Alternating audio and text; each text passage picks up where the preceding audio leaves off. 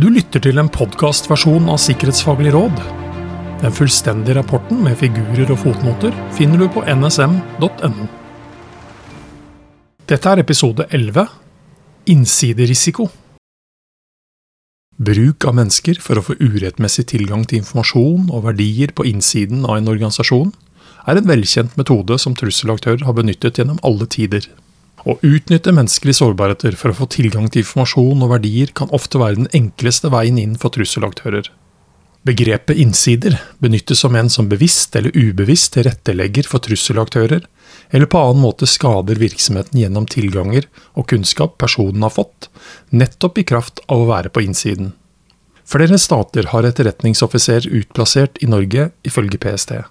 Utenlandsk etterretning har som hovedoppgave å innhente informasjon, og vil forsøke å rekruttere kilder og kontakter som har tilgang til informasjonen de søker. Å beskytte mot innsidevirksomhet kan gjøres gjennom menneskelige, tekniske, fysiske og organisatoriske tiltak. Et sentralt verktøy for å motvirke innsider i virksomheter med skjermingsverdige verdier, er ulike personellsikkerhetstiltak. De viktigste elementene for dette er sikkerhetsstyring, klarering, autorisasjon og daglig sikkerhetsmessig ledelse. Personellsikkerhet krever kompetanse og systematikk i alle ledd fra myndigheter til virksomheter, ledere og medarbeidere. Robuste fagmiljøer som følger utviklingen for personellsikkerhet og moderniserer tiltakene, blir viktig.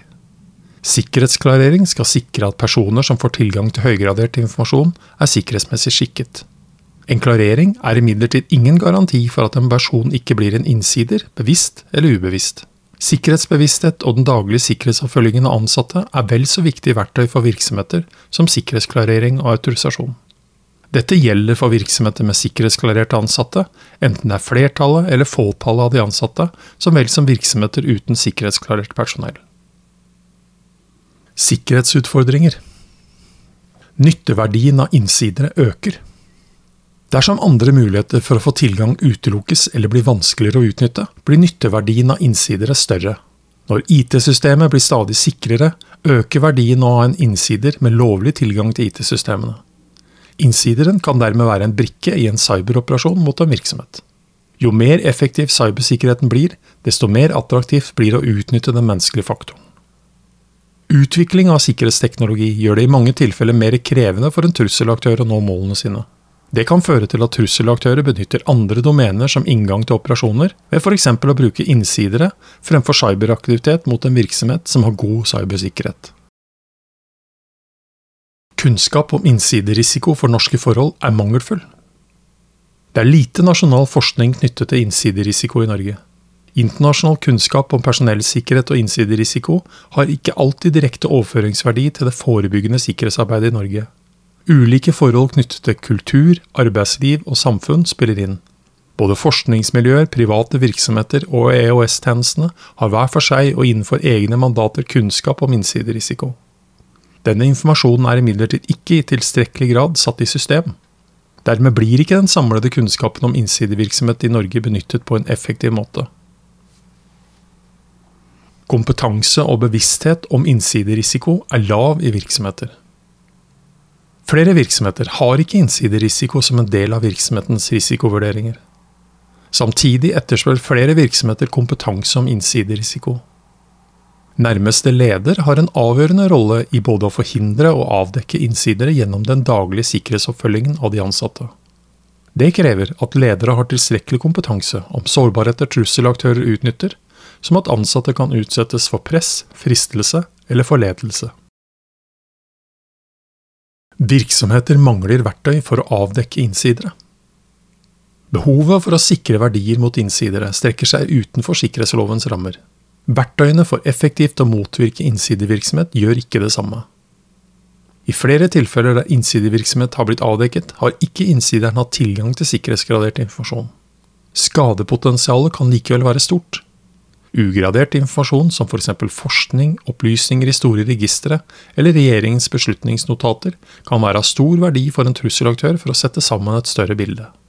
Plassering eller rekruttering av innsidere med tilgang til ugradert informasjon er enklere og innebærer lavere risiko for trusselaktører enn å prøve å rekruttere ansatte med tilgang til gradert informasjon.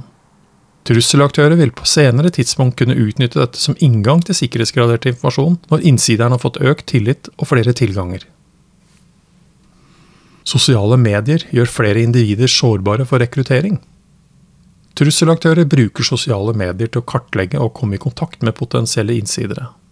Kartlegging innebærer f.eks. å finne sårbarheter som kan utnyttes i form av press, fristelse, forledelse eller manipulasjon. Trusselaktører bruker målrettede operasjoner for å rekruttere enkeltpersoner eller grupper. Det kan dreie seg om overtalelse eller i ytterste konsekvens direkte utpressing av enkeltpersoner.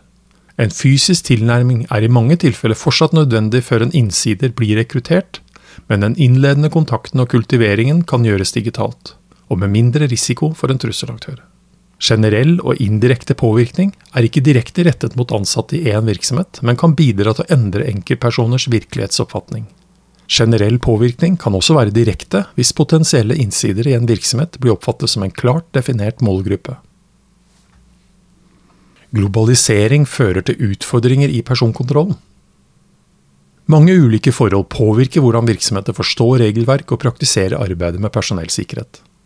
Globalisering fører til økt flyt av tjenester, arbeidskraft og relasjoner på tvers av land.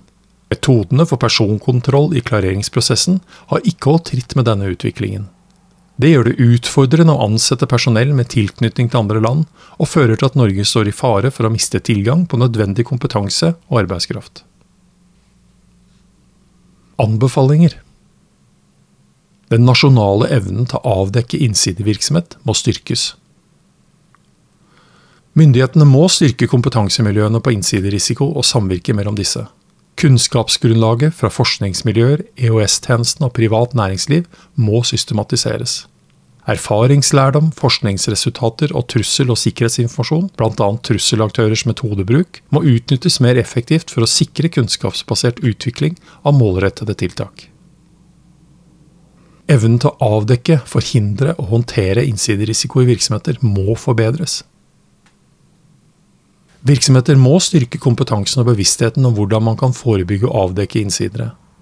Det bør gjennomføres en evaluering med utgangspunkt i beste praksis for å finne effektive måter å styrke virksomhetens arbeid på.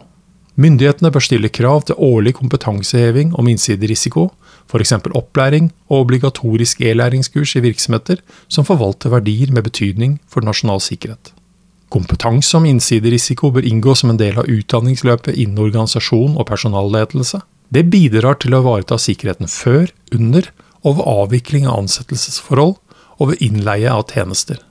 Samspillet mellom personalledelse, HR-miljøer og sikkerhetsmiljøer i virksomheten bør styrkes for å forebygge innsiderisiko. Det setter i større grad sikkerhetsmessig bevissthet, daglig sikkerhetsledelse og forhold som jobbtilfredshet i sammenheng. Et styrket samspill mellom miljøene bidrar til økt samvirke mellom menneskelige, tekniske, fysiske og organisatoriske tiltak. Det bør utredes muligheter for hjemmelsgrunnlag for bakgrunnssjekk som faller utenfor klareringsinstituttet.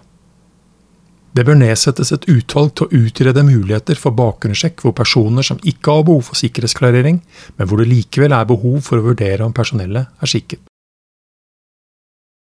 Du har lyttet til en podkastversjon av Sikkerhetsfaglig råd. Mitt navn er Roar Thon.